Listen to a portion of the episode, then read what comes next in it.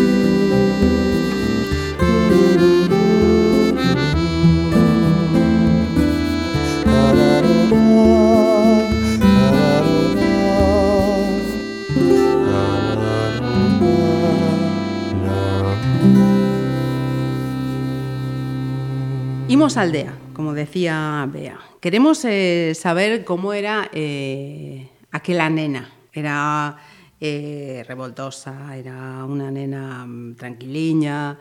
Eu era, que dicía meu avó, esta nena é lista como ardilla, non para quieta, dios mío.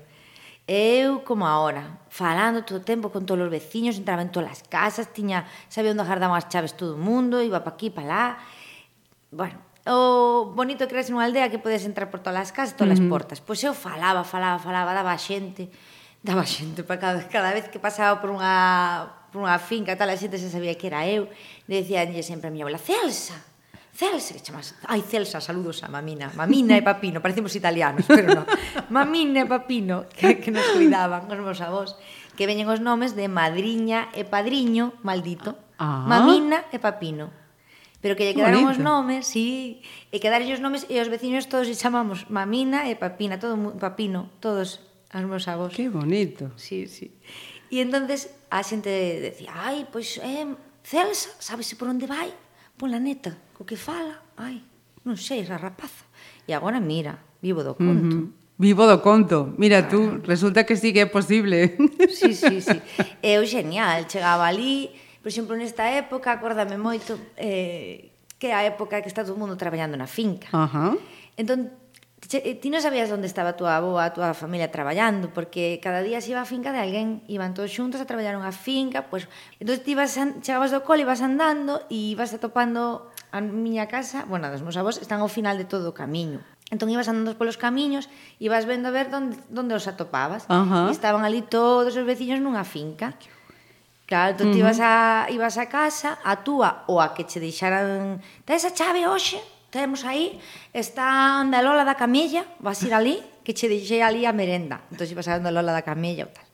O vas ir onde fina, que che vai a dar merenda. Entón, ti vas ali, collas a merenda, e despois uh -huh. de un rato, pois pues, ibas a levarlles o café ou uh -huh. un bocadillo. E esta época é, é a época de traballar na, nas fincas. Eh, entón, hai, había unha mamina e un papino pero había moitos avós, moitas avoas, moitos tíos, moitas tías, con unha gran familia. Éramos comunitarios ali uh -huh. todos. Sí, sí, sí, sí. Queríalos a todos como parte da túa, da túa familia, porque realmente te educaban e, e aprendías moitas cousas e contabanche moitos contos. Bueno, agora tamén, a, a parte, eu como era así, eu era lista, sabes? Agora aprendín algo, pero bueno, ainda me queda un pouco. Entón, eu sempre iba por ali, ta, para que me contaran un conto, me deran unha galleta ou tal. E a miña tía Pilar, que efectivamente non morreu cando eu nacín, ainda durou moito, pois eu iba hasta a súa casa, porque como era a súa preferida, porque levaba o seu nome, pois sempre tiña algo para mí unha galleta de limón, Ajá. un chourizo rancio, bueno, depende do día tiña máis ou menos sorte, pero si sí, sempre me tiña así algún detalle. Uh -huh. E estaba moi, moi mimada eu de pequena. Ahora tamén, pero de pequena teño que decir que era esa sensación de ser absolutamente feliz. Uh -huh tiñamos os, os compañeros, eran amigos, eu tiña o David e máis solito, que eran os da miña quinta, máis ou menos, dous nenos, que agora son dous mozos, e daquelas eran uns nenos bravísimos, e andábamos coas, coas bicis pa aquí pa lá, cheos de feridas, de golpes. Até unha vez enfadou moito comigo un e tirou un cacho de ester coa cabeza. Xa que aquelo era...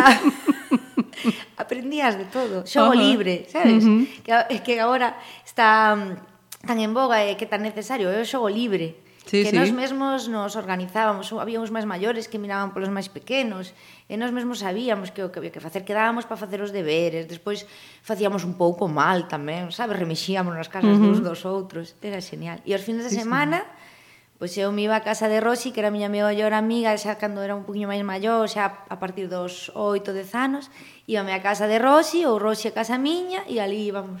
E, e era genial. Unha infancia feliz. Felicísima. Hai que hai que hai que verle la, la, la cara co que está a contalo que xa o di todo. Mira, outra paradiña. Outra paradiña. Contanos que imos a escoitar agora. Pois os meus pais resulta que mm, cando era pequena inventaban para min e para a miña irmán e para os meus amigos cancións. E mira que son as cousas, eu tiña uns 6, 7 anos e os meus pais decidiron de casualidade formar un grupo de música e de teatro. Era teatro musical, bueno, daquela non se, non se sabía, non lle poñamos non, Era teatro con cancións, punto. E empezaron a facer, a gravar cancións que facíamos os domingos despois de comer, collían a guitarra e inventábamos cancións. O meu pai, a, a, miña, a miña nai, a miña irmán, eu, os veciños que pasaban por aí tamén se lle tocaba que tamén lle tocaba. inventábamos cancións e desas cancións saiu o Canta Connosco. Pois... Pues... Íbamos con, eh, o Dime que fixeches Que canción dos animais.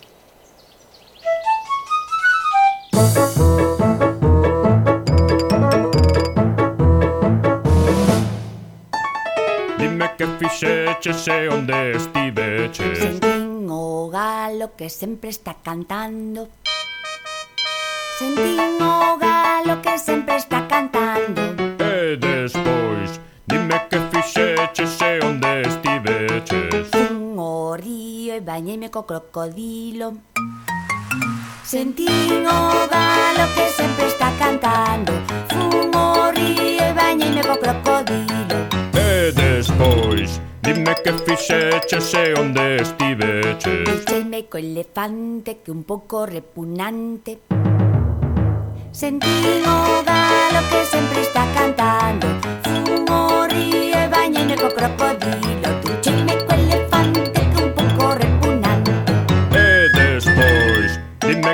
che, che, che, onde estive, che Xoguei coa bolboreta que nunca para quieta. Sentín o galo que sempre está cantando. Fumo río e bañeime co crocodilo Truchime co elefante que un pouco repugnante. Xoguei coa bolboreta que nunca para quieta. E despois Dime que fixeches e onde estiveches o laúd coa miña amiga avestruz. Sentín o galo que sempre está cantando. Fun o río e bañeime co crocodilo. Ducheime co elefante que un pouco repugnante. Se o vi coa volvoreta que nunca para quieta. Toquei o laúd coa miña amiga avestruz. E despois, dime que fixeche se onde coa cigoña que ten moita vergoña.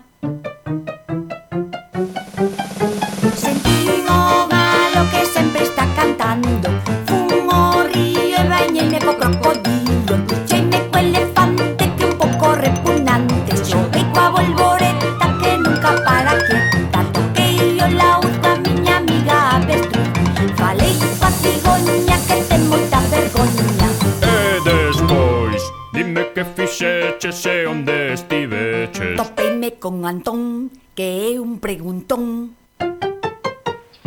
Para ti, eso de ver os teus pais eh, actuar sobre o escenario Con que ollos eh, mirabas entón e, e como o ves agora? Claro, de pequena a min cantábame, porque eu iba lá, eu ainda me lembro, colocaba sillas pos escenarios, montaba os escenarios, poñía as, as, as telas Eu sempre fixen tamén teatro de pequena, entón, na súa primeira función, a miña irmã e eu colaboramos, cantamos ali as bolas do dragón. eh, pero eu de pequena estaba encantada aquí, para lá. Despois, na adolescencia, cando a miña nai empezou a salir na tele, que que xa diferente que o teatro, non a tele ten así un... E a mí me tocou tamén da aldea, fun a Pontevedra a vivir a Monteporreiro, uh -huh. de chavala, e o cambio foi, foi duro porque claro, cambias a unha, a unha cidade con hai, hai ascensores, hai, é un barrio e, e de repente a túa nai coincide que sae na tele tamén e ti eres adolescente. Uh -huh. Entón, bueno, se si mesturas as hormonas e todo iso. e claro, a miña nai daquela época estaba de presentadora do Con Perdón e me cantaban Con Perdón, disuela, Con Perdón. Eu enfadaba, me tiraba yo os pelos. aprender a... Brava. aprender a aldea. Pero sí que foi foi duro, e o mm. instituto para min foi unha época dura porque moi diferente que o que o colexio que era como todo maravilla, todo moi blando, todo moi non sei que. Claro, eu despois fui a estudiar o instituto sen os meus compañeiros, sen os meus amigos.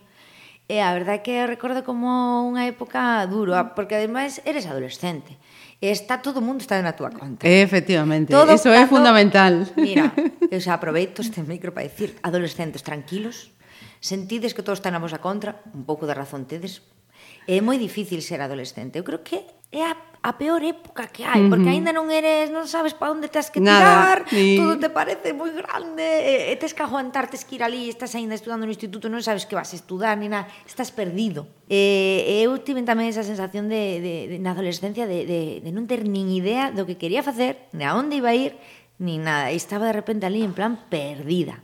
Que, que ademais Mima, eu era, bueno, encantaba mir os concertos, salir, bueno, os clásicos, sabes? Os meus pais detrás miña, berrar... Todo así moi... Pero espera, espera, Garba. Sí, sí. Eh, decías, eu non sabía que facer, que quería... Eh, no. Eu pensaba que ti o tiñas clarísimo xa dende, dende sempre, vamos. Non, non, non. Que va, que va, que va. Eu non tiña, non tiña ni idea que facer. E máis, unha, me acórdame que unha vez estaba escoitando a, a radio con meu avó, estaba por ali, estaban falando do turismo e tal. E dixo meu avó, eso sí que é un bochollo, turismo, de turismo. E eu me quedei como, ah, pois pues vou estudiar turismo. E estudiei o ciclo superior de turismo. Que nada, bueno, no. nada no, traballei un ano de guía turística, que teño aí, bueno. Fun a peor guía do Estado español e Portugal, porque ata traballei en Portugal. Non me lo podo creer. Sí, sí, pero moi divertido. Metinos mal pola Porta Santa. Cuéntame, por favor, ah, pues eso, por favor. Pues, conto, cho, conto, cho. Mira, resulta que, eh, bueno, Mourente arriba estudiei turismo e fomos facer as prácticas. E colleronme xa a traballar de guía nun autobús e eu tiña 19 anos, acórdame, unha mochila co todos os cartos que me iban pagando os señores, uh -huh. e alá me iba a facer eh, visitas eh, que era Galicia e Portugal. En plan, viaxe encantada. Cos señores do Inserso. E eu que iba a saber eu, por Dios, con 19 anos e prácticamente non saíra da casa, eu que iba a saber? Bueno, pois pues eu daquela non había internet, así que quero que vos poñades todos pensando agora mesmo, ah, amigo, imaginadevos, vos, claro, eu non me eu fora a Santiago, tres, catro, cinco veces. E despois fora de un pouco de chavala, pero las cosas como son, a tomar chupitos. Hombre. Pues non me acordo de nada, claro. Como ten que ser, iba no tren e volvía pola mañán. O sea, non me acordaba. E de repente, así de un momento para outro, plan, pues, tes que ir á Catedral de Santiago cos, cos 50, 50 señores maiores, con potasio por las nubes, que aparte ve que darlle pastillas, bueno, non sei como, bueno, ainda non sei como non morrer un hijo. Bueno, a cousa era que eu miraba eu miraba os libros, no? porque non había internet, entón eu miraba ali Catedral de Santiago, e me, levaba folla e miraba, bueno, un, que ten un montón, en plan, cat, eh, mm, eh, portas de non sei que, bueno, eu miraba ali no plano e dicía, bueno, pues, conto un, dous, tres, catro, e aquí é a porta, vale. Entón, eu facendo como que sabía, plan, bueno, a ver, ahora todos aquí, non sei que. E eu iba super nerviosa, entón, uh -huh. iba andando, e chego o que a, a, a catedral, xustamente entrei, bueno, por onde está Sargadelos e tal, pola rúa de arriba, bueno, onde está o teatro, o teatro e tal, entrei, e había dúas posibilidades. Unha, entrar pola Porta Santa e, en, e outra, que era entrar pola tenda de souvenirs. Onde os metín eu? Pola tenda de souvenirs. Disti, como pode ser se na Porta Santa había unha cola de 300 metros, da igual, eu non a vin. Estaba tan nerviosa que os metín pola porta de souvenir. E me, e me decía, chiquilla, pero que hace? Pero esto no está aí, no ves que está aquí el otro lado, que los tanto los croques. E eu, no, no, no, no. Entón aproveitei para decirles a verdade da vida, que era que solo algunos coñecíamos a realidade, a verdadeira Porta Santa.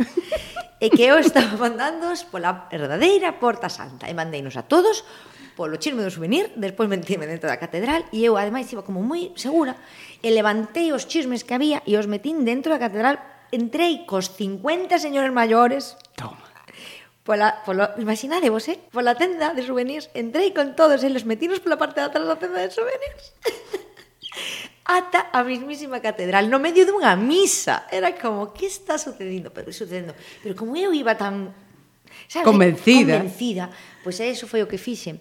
E aí empecé, e de, de aí para arriba, despois levinos a Portugal, metinos en, en dirección en dirección contraria unha vez preciosa por Vigo, metín, intentei meter o autobús unha vez pola rúa desta de Vigo que non se anda, pola mm, peatonal de Vigo, pois tamén ali onde o Marco, Pois aí tamén o intentei meter o autobús, vamos, fixen de todo. Durou un ano. ao cabo do ano, dixen, isto moita tensión para min. Pero os, eh, os turistas Ay, que, que chegaron a eh, esa experiencia de entrar por una porta exclusivamente para eles, mm. de ir por Vigo, por rúas sí, eh, eh, eh, cuidadeño. Non, que ah. guía a... perdeu.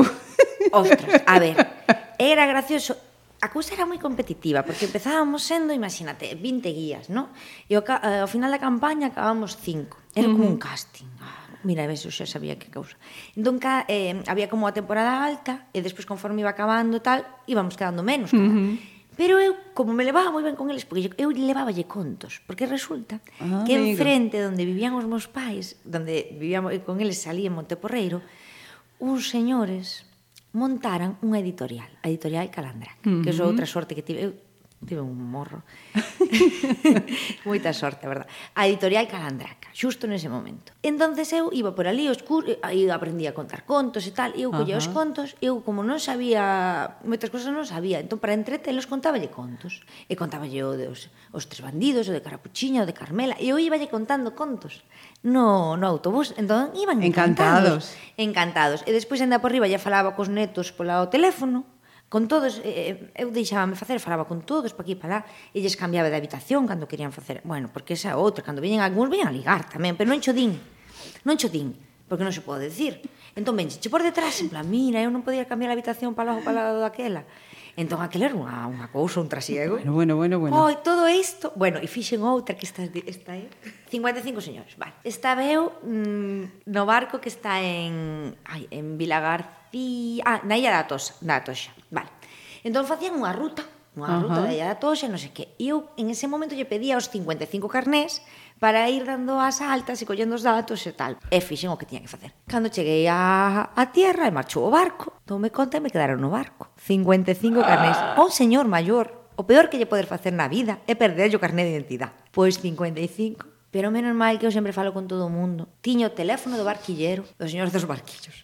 Señor dos bar... eh, que daquelas ademais había moi poucos móviles. Entón, os, de casualidade, o señor dos Barquillos coincidiu co señor do barco, que era non sei que do outro barco, e despois veu un, unha lanchita a traerme os 55 carnés. E nada deixei, no despois acabo dese ano, porque era moita tensión de vida, moita tensión. Mira, eh, o turismo eh, perde unha nova forma de guía turística contigo, eh? Sí, totalmente, totalmente. Imos coa, coa terceira selección. Ben, porque xa falaba eu de que unha época onde me gustaba moito salir e ir aos concertos, e xa de chavala descubrín La Matumbá, que ten moito, moitas cancións coas que valei moito, pero ximos escoitar Licor do Negro Café.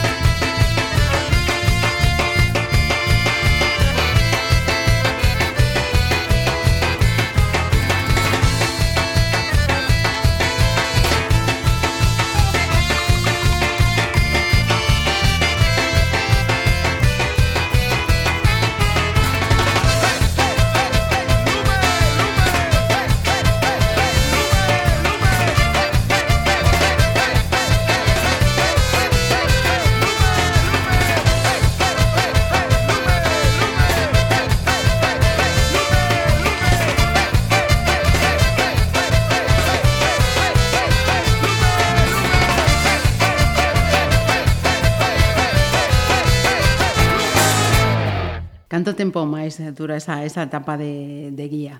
Non, non, todo, todo foi moi intenso. Todo debeu durar un ano e pico. E, ai, despois era moi gracioso, porque eu cheguei un momento, tiña o medio un mozo daquela, e eso non lle gustaba nada aos señores maiores, cando era por aí con un mozo que me viña a ver a veces o hotel, non sabía. Bueno.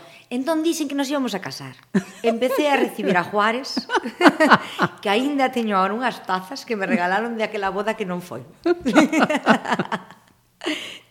un, un ano, un ano e un par de meses, uh -huh. unha cousa así durou. Rentabilizada a relación, entón, completamente. A, a relación de mozo que aquel rapaz que tiña? Moi ben, sí. Non casamos, non fixemos nada, pasámoslo Pero ben. Pero a juar... O a juar e pasámoslo ben tamén. Do outro tamén, bueno, houve tamén un pouco de todo. E despois desa experiencia, que eu xa che dicía que enfrente da miña casa xusto estaban os de Calandraca, pois pues eu, para min son como se foran os meus padriños, porque... Uh -huh Eu con Manuela Ballesteros, que se chaman, eh, levome moi, moi, moi ben. E Manuela era a miña a que me defendía a min sempre, a miña nai. E que mira, e que anda por aí, e que sale, e que bebe, e que mira o que fai, e que non fai caso. E Manuela, bueno, bueno, bueno, bueno, ela ten que facer, está no tempo, é logo que vai facer, é o que lle toca, é ten que ser.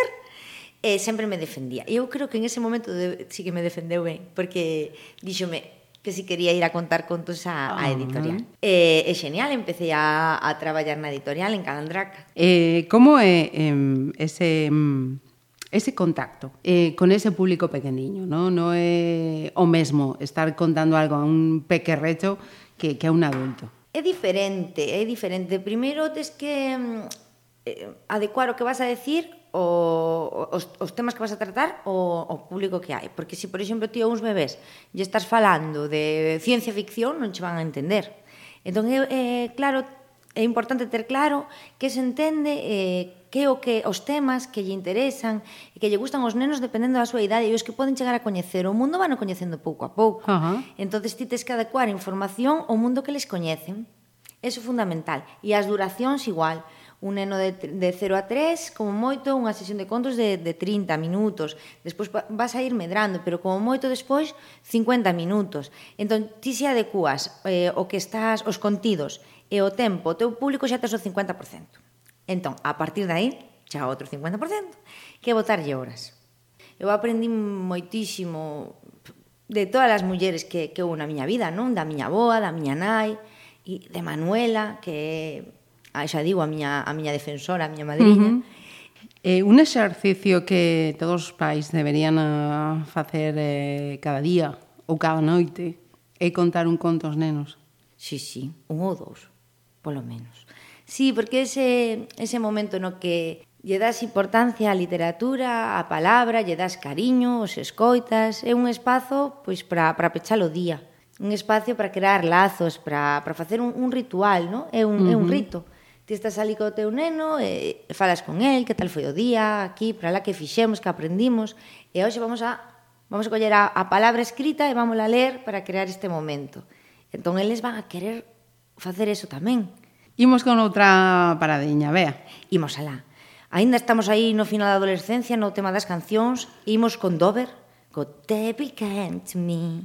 Sí, sí. O primeiro concerto que quixen ir eu, ir eu e non puiden ir foi Dover Cando veu o morrazo, eu era, tía, 15 anos ou así, e me encantaba, a parte do over era como, ai, había mulleres que cantaban así mm. bravas, e tiñan guitarras, e baterías, e facían cousas así como contundentes. Era, sí, contundentes, nada, nada, nada angelicales, senón que eran de verdade.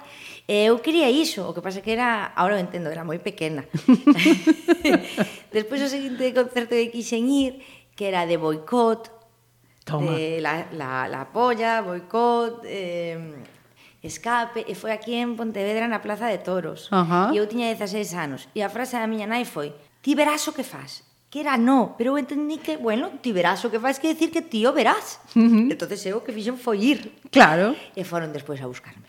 Ben, e que pasou logo? pois non coincidimos, porque eu O que fixen foi ir normal e despois fun para casa. E fun para casa tan tranquila, en plan, bueno, tiña 16 anos.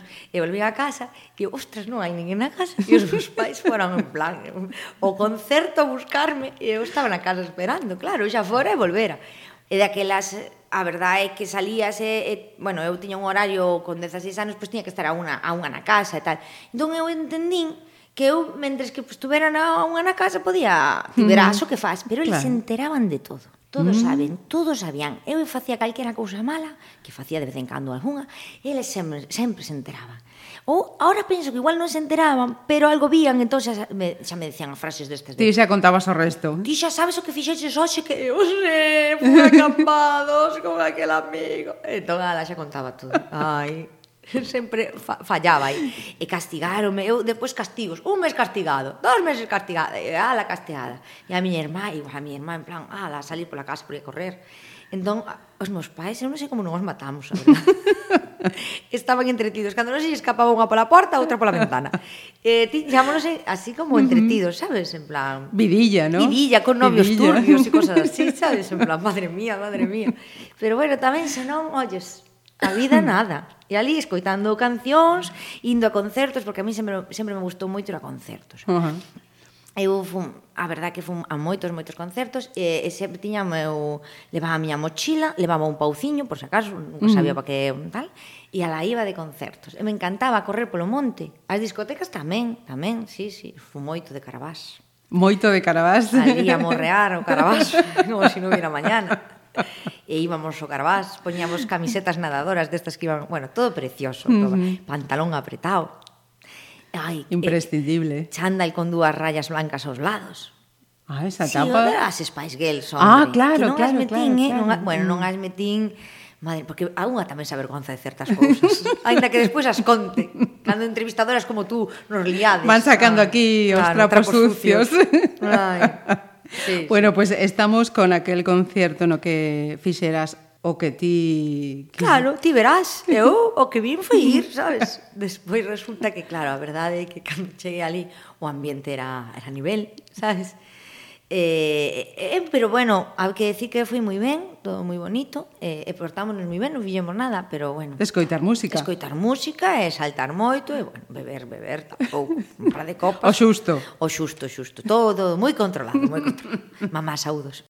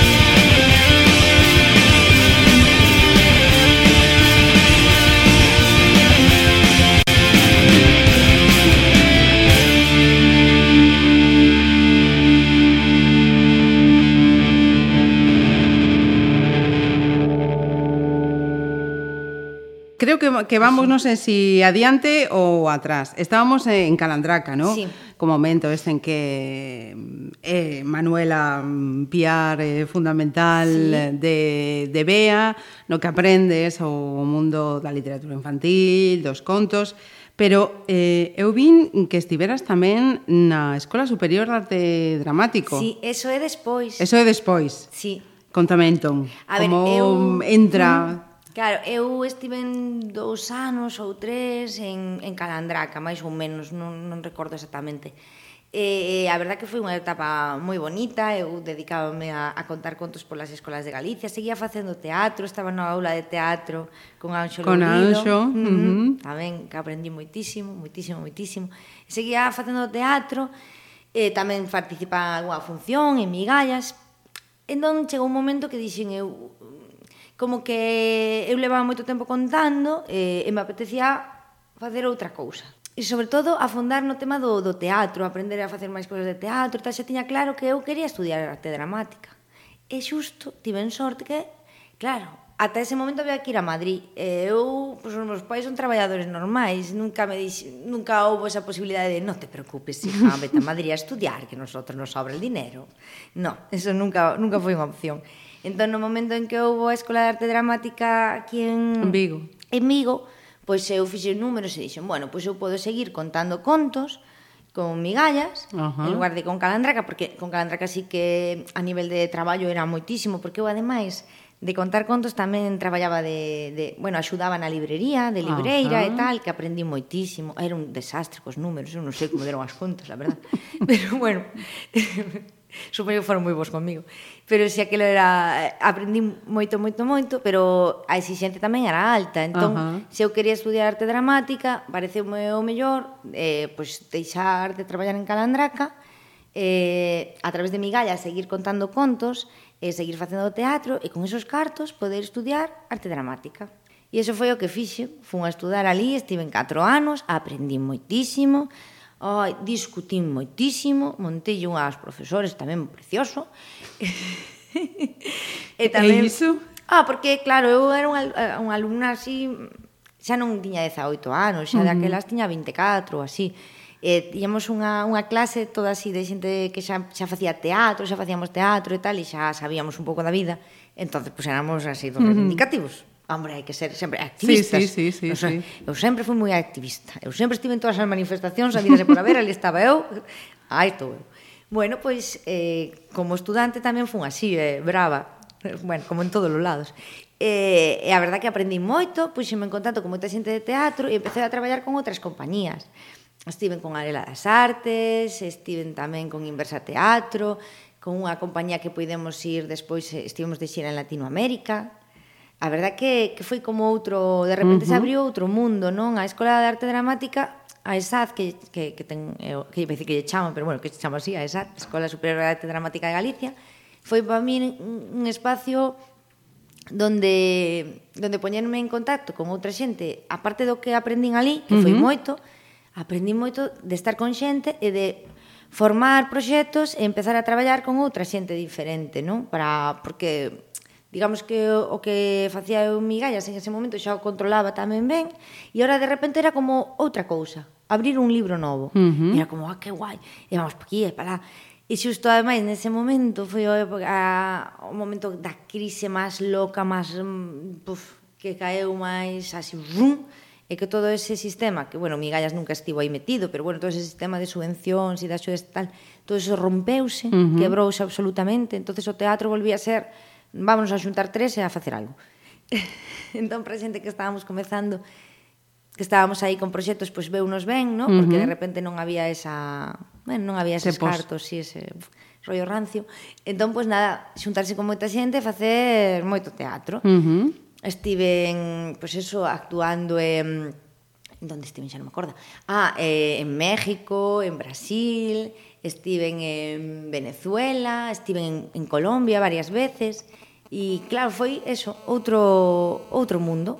Eh, antes de seguir con ese periplo por Latinoamérica, outra paradeña. Ah, sí, sí, por suposto. Oh, oh. O que ven agora. Oh, oi, oh, bueno, bueno. Bueno, para ser unha muller brava hai que ter unhas boas botas para camiñar. Que mellor que con Nancy Sinatra. Ah.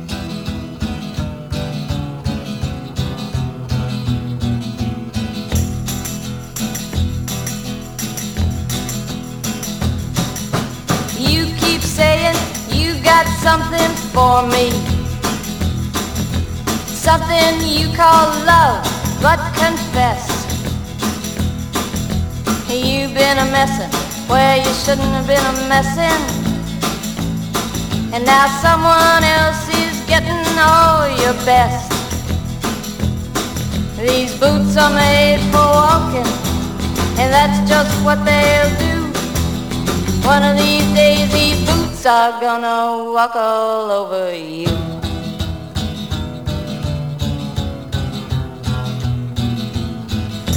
Yeah.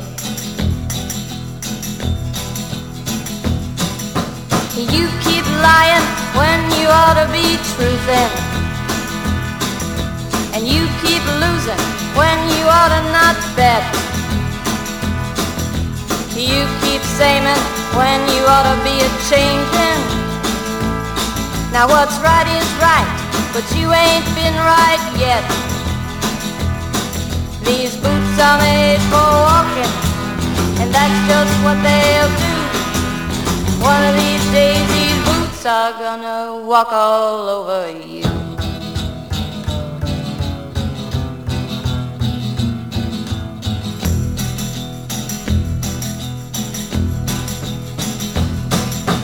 You keep playing where you shouldn't be playing. And you keep thinking that you'll never get burned. Ha! I just found me a brand new box of matches, yeah. And what he knows you ain't had time to learn. These boots are made for walking, and that's just what they'll do. One of these days, I'm gonna walk all over you.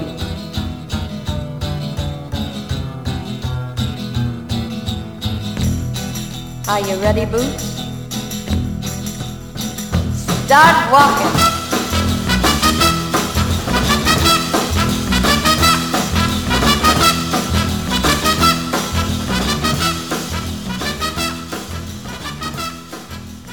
Pois eh, coas botas eh, postas, contame por que pola esta canción. Sí, pola letra da canción, ¿no? Uh -huh. que fala de eso, de ter unhas, unhas, unhas botas para camiñar e para ser unha, unha muller forte.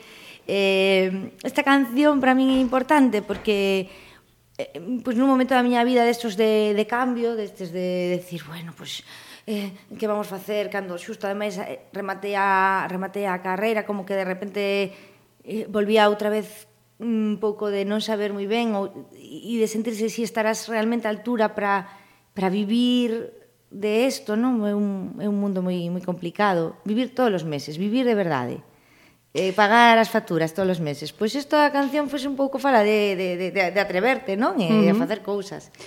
Fíjate que eh, eu eh, coñezo a Bea de hai unha hora, máis, máis ou menos.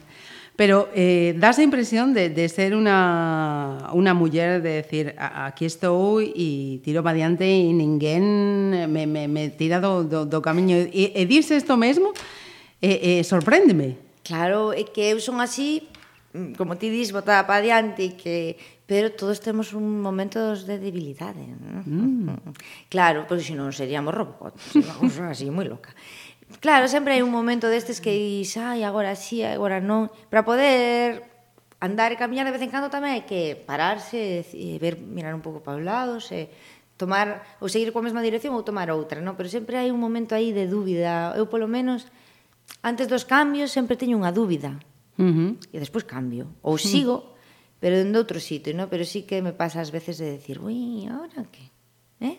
Pero despois sigo, eh? Mm. Dios mío, Jesús. E botolle peito e alabou. Eh, ninguén me para. No, no, no, no, no. eso no. No, no, no, no, non me gusta nada a xente que intenta frear, ademais, cada uh -huh. un ten que ten que facer o seu sí, sí, camiño, seu camiño. Desar... Mira, estábamos en México, Brasil, Venezuela, Colombia. Canto dura esa, esa etapa? Pois esa etapa, eh, dous anos máis ou menos, non estivemos os dous anos alá, xa me gustaría, sino que fomos primeiro, primeiro fomos a Brasil, volvemos, uh -huh. e quedamos encantadas, despois fomos a, a Colombia, volvemos, eh, quedamos outra vez encantadas, e despois xa fixemos unha xira. Eh, isto foi durante dous anos. Uh -huh. A, a xira xa foi Venezuela, Colombia, Mm, México, e eh, a, a verdade é que é genial, durante un mes e medio, pois, de actuacións, eso sí, mochila, imagínate, éramos, eh, Inversa Teatro é a compañía, uh -huh. no? coa que eu estaba en ese momento, éramos catro mulleres, alá fomos, coa mochila e alá aventura. Sin máis. Eh, tiñamos algunhas tiñamos as datas das actuacións, das actuacións. pero despois había que ir dun país a outro, cruzar en autobús, dende Venezuela, dende Colombia a Venezuela, pola noite, que aquelo, e coa mochila ao lombo, que aquelo pesaba. E a verdade que unha historias moi bonitas. Eu aí tiene unha historia moi chula, moi bonita, moi bonita, porque resulta que o meu avó tiña un irmá xemelgo. Anda. E resulta que eu vira moi poucas veces e vivía en Venezuela. Entonces eu ocorreuse me dixen eu mirei e dixen, bueno, pois pues eu vou a ir sola en coche. Sí, en de Venezuela. aquí a nada, unha hora e media, dixen, isto fajo eu, como non vou facer eu? Dixen, oh, ademais, eu, bueno, aí vou eu, con estas canciones que teño na miña vida, son unha muller forte, bueno, alá vou. Unha historia, porque ademais fun sola, porque, claro, as miñas compañeras tiñan ademais que facer uns talleres e non podían ir, e eu, eu medio que ademais estaba medio agobiada, e dixen, eu vou alá, que eu teño que ver o meu, o xemelo do meu avó, e alá fun, o tío Carlos. E, e foi estrepitoso porque empezou a chover moitísimo, aparte a lo latinoamericanos, aquí chove e avisa, ali chove e ali afojas. entón, que pasa cando afo, a, afogas? Pois que os taxistas deciden non traballar. Hombre, non te fastidia porque non vai ben. Entón eu, imaginemos, ali, nunha urbanización, isto foi fai relativamente pouco, 4 anos, eh? Entón eu estaba ali fora na urbanización esperando que me viñera a buscar o taxista, que eu conseguira máis ou menos pues va a venir a, bus- a buscarle el taxista, el señor Paulo, el señor Paulo va a venir aquí a cogerle, es un, amigo de la embajada, está muy bien, usted va a ir con él. Y yo, vale, muy bien, pues nada, la voz esperada por Paulo.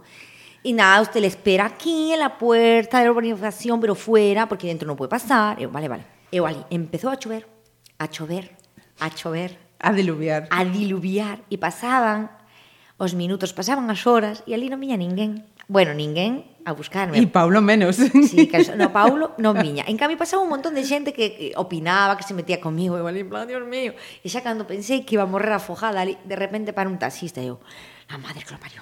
Entón fun a él e dixen, pero ti, pero, pero usted, Paulo, pero cómo se le ocurre, por qué hace esto? Yo con acento ya, todo, plan, ¿por qué me haces esto a mí? Porque yo estoy aquí muy preocupada, yo estoy española, yo estoy aquí. Y de repente, después de estar como media hora berrando, dime, tío, dime, o taxista, yo no estoy Paulo, Paulo es mi primo, pero que se quedó mamado y no viene. Yo, a la madre que lo parió. E o taxista este, que eu decía, Dios mío, pois alá fomos a buscar o meu tío avó, que e despois cando, a, bueno, eu cos tres que levaba enriba, foi subirme o taxi do señor desconocido e quedarme dormida. E cando despertei, ademais, empecé a escuchar, porque tú eres máis linda que me gusta lo que me hace rico este prosteto. O señor taxista, que eu non coñecía de nada, con música en plan picantona, sabes? A tope na radio e eu ali dormida en plan medio traspuesta. Ai, Dios mío, pero bueno, a sorte que hai que decir que era unha bellísima persona, non parecía, pero levoume á, a porta da casa do meu tío avó e ali estaba, de repente, unha fotocopia do meu avó na outro lado do mundo. E eu aí casi morro. Empecé a chorar. E eu, miraba pa el esperando que me dixese lévame de aquí que eu son o teu avó e estou aquí secuestrado sabes, xa empezou a paranoiarme porque de repente eu sabía que ele existía e algunha vez o vira aquí pero era pequena e non se parecían non? Uh -huh. pero ahora de repente de vellos iguais, exactamente iguais. Eu mirando para o meu avó dalá, que non era o meu avó, nin era nada. Eu era miraba, tío Carlos. Era o tío Carlos, non tiña nada que ver. Pero eu veña abrazalo, veña abrazalo, e él ali. Oh. A ver, era todo moi parecido. O meu avó daqui ten ocas. O tío Carlos tiña tortugas. O meu avó daqui ten laranxas. O meu tío Carlos aguacates. Entón era como exótico, pero exactamente igual. entón, claro, eu estaba ali en plan, que acaba de pasar, que emoción. E foi a verdad, que é moi bonito. Mm. E despois dali un pouco morreu. Ah. Sí, o sea que non se vai a repetir máis, pero bueno. Bueno, pero a experiencia A experiencia eh... foi preciosa. A volta fun tapada cunha manta na cabeza, por se acaso, na parte de atrás do coche unha manta tapada na cabeza. Foi moi tranquilizador. Ah. Cando o taxista vite, a ver, non va a pasar nada, pero por si acaso la vamos a tapar en la parte de atrás del coche con una manta. Digo, como? Pero non va a pasar nada, unha manta. Tío Carlos, ¿dónde te has Tío, que, que risa. E nada, realmente non pasou nada, pero foi emocionante, emocionante. Si sí, Venezuela, así como Colombia, a verdade que moi ben, en Venezuela máis complicado porque realmente entre eles eh, é como vivir nun Barça Madrid constante. Uh -huh. Era porque porque los chavistas son terribles e los outros que dicen, non sei que.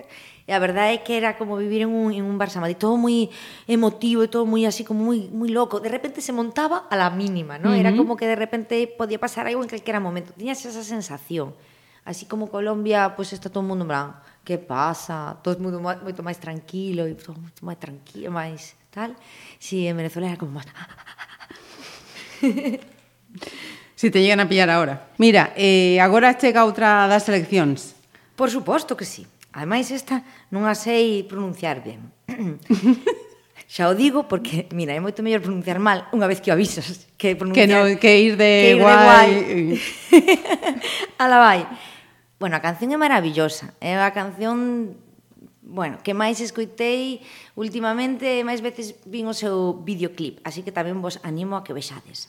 Vans Joy, ou como se diga.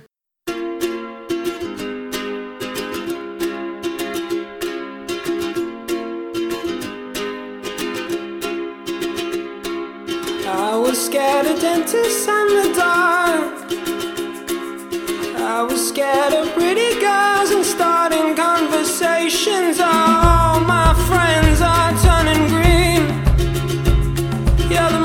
magician's assistant in their dream. Oh,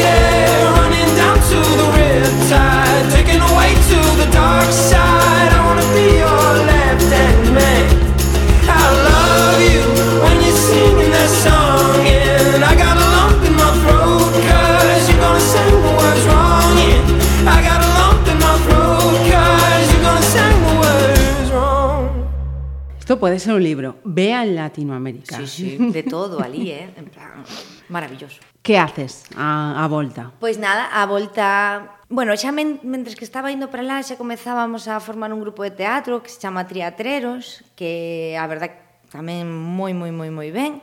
Eh, empezamos aí a crear as nosas obras de teatro, empezamos a facer improvisación, eu tamén dirixín unha obra que se chama Matanza, moi animada, acababa un pouco mal, pero bueno, eh, é genial, porque tamén din con uns compañeros, compañeiros, cos que nese momento coincidíamos, eles estaban, eu xusto rematar a escola de arte dramática, eles estaban acabando, eh, comezamos a, a, a facer obras, e, eh, a facer improvisacións, ata, ata aquí ya non, perdón, todo o contrario, agora, en bares en Vigo, ah, pero a lo loco, eh? Uh -huh. pero había había ao mellor unha noite ali véndonos máis de 100 personas era unha cousa moi divertida, moi cansa tamén, uh -huh. e pasábamos a gorra e empezábamos a facer pois iso, improvisacións e investigar sobre comedia, a ver as posibilidades que tiña a comedia, ata onde nos podía levar, e a crear a nosa compañía de teatro, Driatreros, que estiven en ela dende entón ata ahora fai uns meses que xa eso, etapa unha pausa. Unha pausa. Eso que falamos antes de, bueno, pois pues ata aquí. pois pues foi uh -huh. foi esta ata ata agora, ata esta hasta este Nadal. E a verdade que con Triatreros eu aprendín moitas cousas, aprendín a a facer monólogos, Entonces uh -huh. tamén aprendín os códigos da comedia, o humor máis gamberro, o ir ata o límite, todo eso aprendino en triatreros. E, é genial, aprendimos moitísimas cousas aí. Incluso fixemos unha webserie. Fálame desa webserie. Dalle has, oh, 60.000 visitas, eh? en galego, caramba. Nominacións aí, os Dicir, os Martín Codas, pero non, son os Mestre Mateo. Mestre Mateo. Os Mestre Mateo. Pois foi un pouco a lo loquísimo, porque uh -huh. nos, nos xuntamos con José Miguel Sagüillo, que é o meu mozo. Eh, e convencino, non me costou moito, porque os mozos son máis fáciles de convencer que unha persona que, que te cruza pola rúa. Home, un mozo sempre ten máis posibilidades, sabe? Pois eh, dirixiunos eh, e despois tamén audiovisual que nos produciu a, a webserie eh, a primeira tempada, fixemos dúas tempadas. A primeira tempada tivemos a verdad que sorte porque dende o Concello de Pontevedra en turismo no, nos axudaron eh, económicamente, e moi moi moi moi ben, moi ben, aprendimos moitísimo, as os capítulos, a verdad que foron moi moi moi vistos, despois fixemos a segunda tempada e a verdad que tamén ben, pero non conseguimos nada de apoio económico. Cero. Nos pensamos que tendo en conta a primeira que estivemos nominados en Miami, mm. que non, en plan, hello, Dallas, Dallas is the previous, bueno, palabras en inglés. E, e nada, ali estivemos nominados, eh, no, en Miami, dentro das mellores webseries do mundo, uh -huh. e no País Vasco tamén. Uh -huh. Ao Miami non pudemos ir, que nos daban os euros, pero ao País Vasco fomos ali e nos puxemos en contacto con outras webseries, tamén estivemos en Carballo, e a verdade é que nunca recibimos ningún premio, pero estivemos nas fotos. Despois eu en ese medio tempo empecé a traballar na tele, en varios programas, da, da televisión tamén e empecé aí como a entrar no mundo audiovisual, que era como uh -huh. outro outro outro mundo que eu nin idea. E, e aprender moito tamén. Imos entón logo coa tele. Eh, agora outra outra muller. Outra, eu teño aquí moita na lista. Como ten que ser. Edith Piaf, no rien de rien. Thank.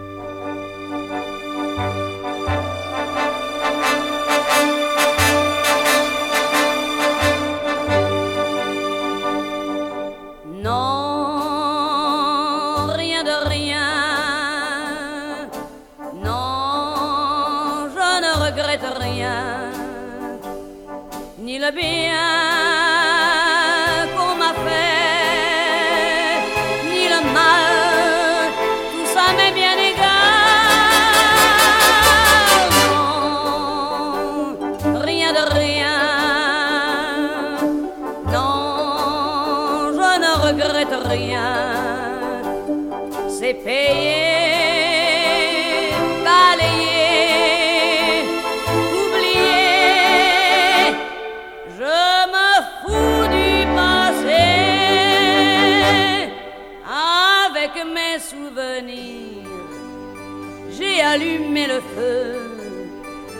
Chagrins, mes plaisirs, je n'ai plus besoin de balayer les amours avec leur trémolo, balayer pour toujours. Je repars à zéro.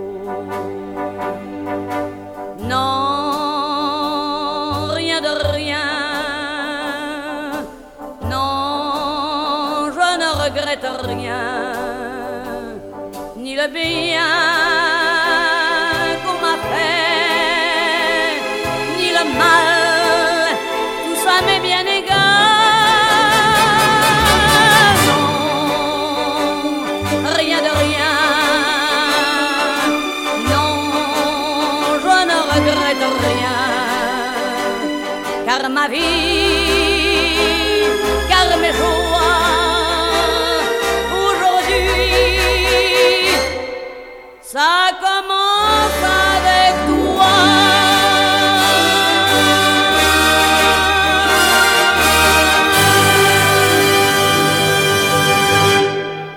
Garda, que mentras estábamos a escoitar, decía que cantou esta canción.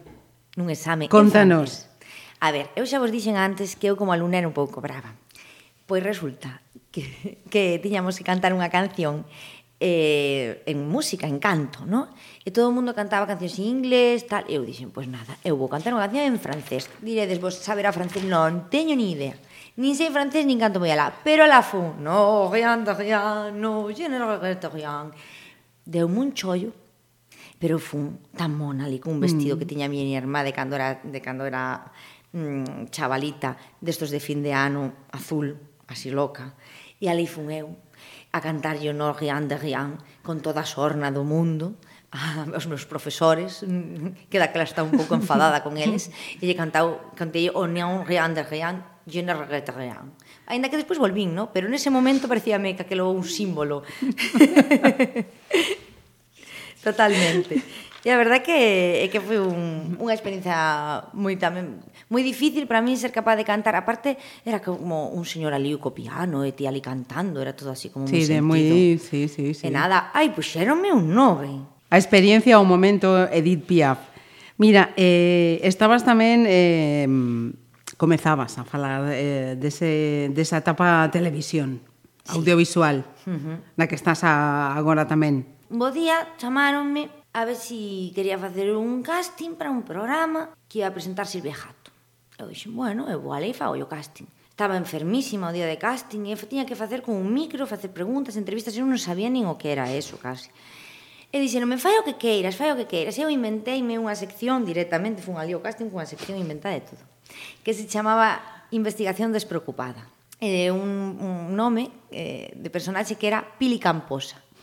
Porque Beatriz Pilar, Pili Camposa. Entón eu alá fun, entón eu facía preguntas absurdas a xente, en plan, uh -huh. como perder a paciencia con pouca ciencia? Compensa perder a paciencia? Cando perdeu vostede a paciencia, onde a topou? A, en un cubo de do lixo, B, na, na neveira, C, ninguna das anteriores. Bueno, pois facíamos entrevistas, uh -huh. e a verdad que era xenial.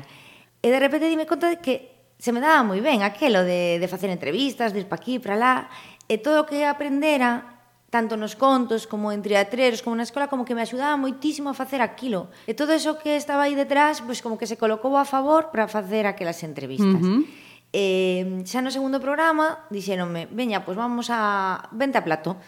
E, e moi ben, a miña sección, bueno, fixen unha, unha primeira entrevista que non se emitiu porque foi un caos, pero pero despois outra parte xa saiume mellor. E a verdad que con Silvia Jato teño que decir que é estupenda, é unha diosa armoniosa. Eu tivo dos fillos. Eu foi un shock, no? Cando a vi dixen por onde os pariu. Esta señora. A, mira, o seu corpo é de, de gordo como a miña perna. En serio, eh? eu estaba rodeada de mises, porque estaba outra Sonia, que tamén foi mis, e ela que é mis, e outra que era outra rapaza que, que tamén facía unha sección que era delgada como se fora unha mis. E estaba eu Cando vin o primeiro programa coas pernas escarranchadas ali, digo, ai, tú sabes de xente que me chamou para decirme, Beatriz, por Dios, cierra as pernas a la televisión un montón de xente. Eu que xa sei que vale, porque ti ali non te enteras. Ti, eu mm. decía para mí, eu teño que ser eu mesma, porque eu o que fan elas, que é falar así como tan, sabes, elas son elas e eu son eu, non nin eu, o sea, claro, isto nin eu son elas, nin elas son eu, claro, cada un é como é. Ben, estaba menos mal Abelino González, que así tamén actor e tal. E que é máis máis como a min, máis un bichito, va. Entón, ben, pero claro, cando nos me poñían ao lado das, das rapazas estas tan estupendas, eu dicía, ai, má madre mía, se eu estou aquí, que va unha tela por riba da cabeza. E nada, atopei a mi, ao, meu, ao meu lugar, porque ademais con elas elas como lles facía gracia porque eu era como así exótica, non? Pois a verdade é que facíamos, nos levábamos moi ben, e, e co director tamén, mm, mm. o director tamén foi o director de programas como Alalá, por exemplo, así moi importantes eh, Senén, a verdad que aprendí moitísimo, deixábame xa nas últimas partes ata preparar eu as entrevistas, bueno, eu ali fui collendo xeito e aquilo, vamos, pouco máis me poño a gravar tamén. é xeneal, foi unha época chulísima. Durou menos dun ano, despois estas cousas que fan a tele que de repente collen a presentadora, levaron pa... bueno, decidiron uh -huh. eles e, e ese proxecto a verdad que acabou e foi unha pena porque éramos un equipo xenial. E Despois dese programa estive en Land Rover tamén unha, unha, uns, uns programas e tal, pero xa non era, para min non foi o mesmo non foi o mesmo, a verdade que non aí non foi o mesmo que, que na nosa nube que estaba aí como eu con máis tamén estive máis programas me deu tempo a pasar, sabes, a aprender, e... a conxeniar e tal. No outro a verdade que ben, pero durou durou menos e foi así unha experiencia así como máis máis, máis fugaz. fugaz E despois me chamaron en plan, hola, que tal? Queres mm, levar ti un programa e tal? Eu, eu, ai, Dios mío. E ala fun, por abajo será, a facer entrevistas daqui para lá, de lá para cá. E nada, genial. Era mm, pasar a tardiña e ir aos sitios, aprender moitísimo pois, sobre pois, sobre o tema que estuveramos traballando, e, o que, que pois, de repente estábamos tres semanas uh -huh. sobre pois o polvo e eu, ala, dáballe a brasa a todo o mundo co tema do polvo. Despois eu, como eu teño finca, Eu teño finca, eh? Eu traballo na miña finca e todo. Ah, lo, logo falamos. Vale, pois eu ali... Eu, claro, moitas cousas as que traballábamos no programa, eu sabías porque eu as vivira. Entón, todo o que eu vivi na aldea tamén me axudou aí a, a levar o programa. Sí, sí, sí. E a verdad que é genial, porque era falar coa xente, escoitala e, e saber máis sobre aquilo que está ao redor de ti tamén. Uh -huh. Outra paradiña. Pois imos con Guadi Galego, Matriarcas. Oh. Alguén díxome que un descubrimento do recente ou que estaba na túa cabeza nos últimos días, que, que pasou con isto? Sí, sí. É que a miña irmá, ademais, tivo un neno agora, fai pouquiño. Ah, noraboa. Sí, eu son tía, e por fin son a tía Pilar outra vez. que de repente pasou, sabes? É unha, unha canción que estes días ao redor do día da nai, tal, que, que o teño aí na cabeza, porque eh, moitas nais en, en Galicia hai moitas nais máis aladas, nais reais que, que paren, non? Todas estas matriarcas da vida cotía, todas estas mulleres bravas que fan que sexa posible, pois, eh, que, que empresas vayan alá, que, que son mestras, que son productoras, que son escenógrafas, que son creadoras, que son nais, que son aboas, e que, alguma, e que paren proxectos e que, e que fan que a vida sexa mellor. E, non é por nada, pero hai moitas mulleres en Galicia, moitísimas matriarcas, moitísimas eh, eu, por exemplo, na miña experiencia, as mulleres foron fundamentais. Foron esas persoas que me ensinaron a, a nomear o mundo, que me ensinaron a isto é así, isto é desta, desta outra maneira, que crearon proxectos nos que eu puiden traballar, na maioría dos casos foron mulleres, no, uh -huh. na gran maioría dos casos. E moitas veces, ademais, en contra de todo o establecido porque conforme un se vai facendo maior se daba dando conta de todas esas situacións machistas polas que pasamos e que non éramos conscientes de que era machismo, e despois pasa o tempo e dices, ah, isto era machismo. Eu cando vou a facer os meus proxectos por migallas, que agora estou traballando en migallas tamén, e, e fago as miñas sesións de contos, as miñas obras de teatro, e produzo tamén os meus espectáculos, cando entro pola porta, moitas veces vou cun rapaz que é músico, e nos, veñen, nos ven os dous, e moitas veces lle preguntan a él. Uh -huh. Falaron comigo por teléfono, pero lle preguntan a él. Ou, por exemplo, cando vou co meu mozo que el eu sempre tomo caña, el sempre toma un refresco. A caña é para el. Sempre. Eso é unha tontería, pero eso en outras decisións moito máis importantes tamén está.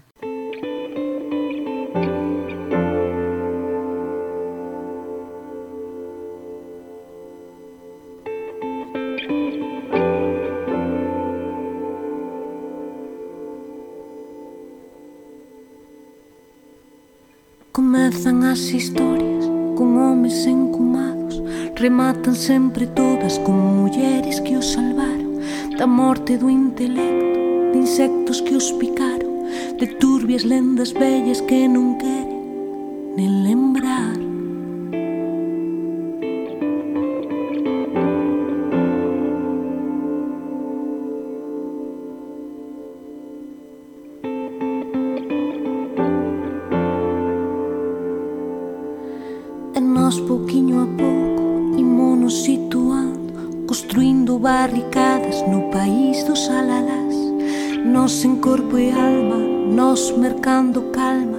Nos cousa por cousa sen podernos despistar.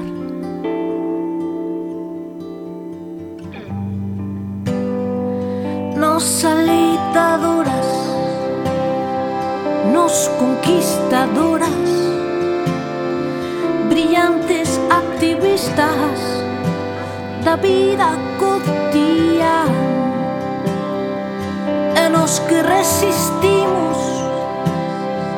a séculos de forza e nosas matriarcas. Do país dun tal Breogán. Comenzan as historias con homes encumados. Rematan sempre todas con mulleres que os salvaron. Da morte do intelecto de insectos que os picaron. De turbias lendas bellas que non queren de lembrar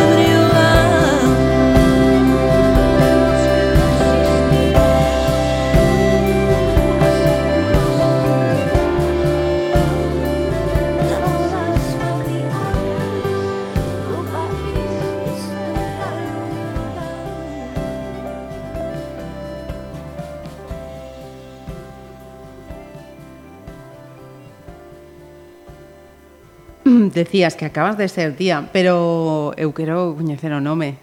Xurxo. Xurxo. Ao menos somos sobriño. de sacos. Me chamo yo Xurxo rapaz, o sobriño Xurxo, que me estará escoitando, que a verdad que non esta tempada que temos, pero que temos moitísimas sesións de contos e moitos proxectos, estamos aquí tamén traballando agora eh, coa Diputación, un proxecto de Tonucci, estamos tamén contando contos, eu estou agora en Calandraca colaborando en Santiago, porque colaboro con eles de vez en cando, eh, no facendo, no, non paramos.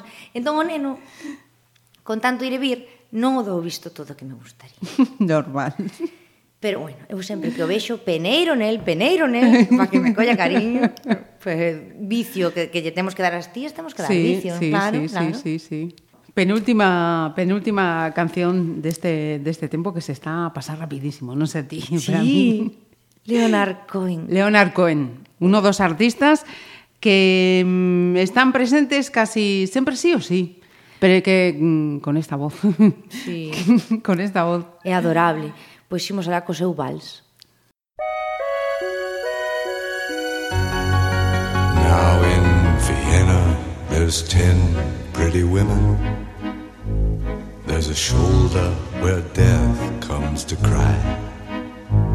There's a lobby with 900 windows. There's a tree where the doves go to die. There's a piece that was torn from the morning, and it hangs in the gallery of frost. Aye, aye, aye, aye. Take this waltz, take this waltz, take this waltz with a clamp on its jaws.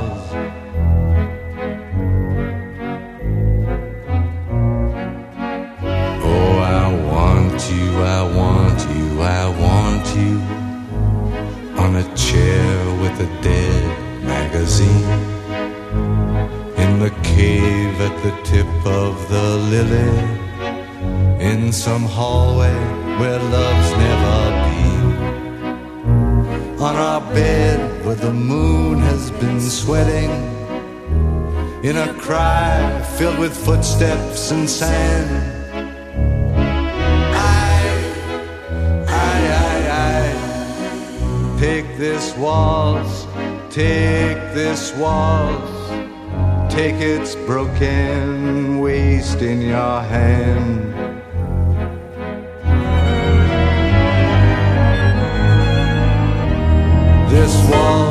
This waltz, this waltz, this waltz, with its very own breath of brandy and death, dragging its tail in the sea. There's a concert hall in Vienna where your mouth had a thousand reviews. There's a bar where the boys have stopped talking. They've been sentenced to death by the blues. Ah, but who is it climbs to your picture with a garland of freshly cut tears?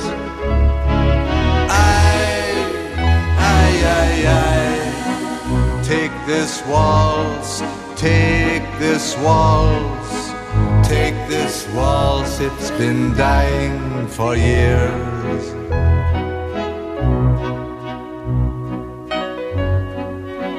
There's an attic where children are playing, where I've got to lie down with you soon. In a dream of Hungarian lanterns, in the mist of some sweet afternoon and I'll see what you've chained to your sorrow. All your sheep and your lilies of snow. Aye, aye, aye, aye. Take this waltz, take this waltz. With its I'll never forget you, you know.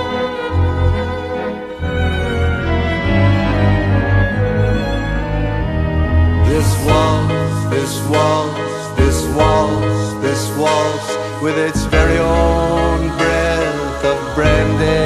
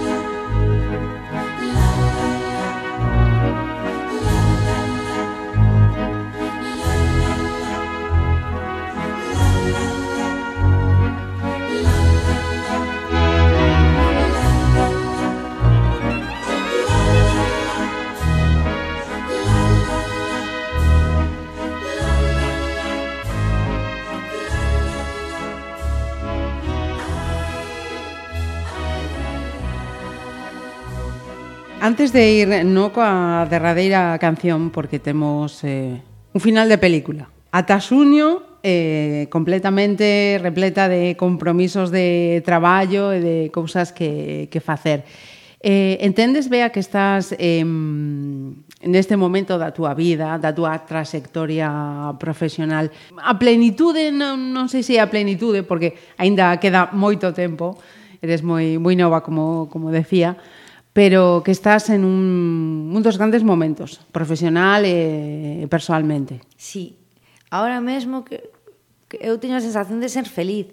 A verdad que estou moi contenta de todo todo que o que fixen ata chegar aquí e todo o que vexo aínda por facer. Eu poño si os ollos de gato e, e aínda vexo cousas. E, quero facer máis cousas. Quero facer un guión, quero facer unha peli, eh, quero facer máis teatro, quero seguir contando contos, quero seguir facendo proxectos tamén con outra xente, descubrir xente, porque iso é unha das cousas boas que ten esta profesión, é que cada vez que empezas a traballar con, unha, con un grupo de persoas, uh -huh. empezas a facer unha familia. Descubrín agora fai pouco tamén Ártica, que é un teatro en Vigo, que é unha casa maravillosa onde estamos moitos ali.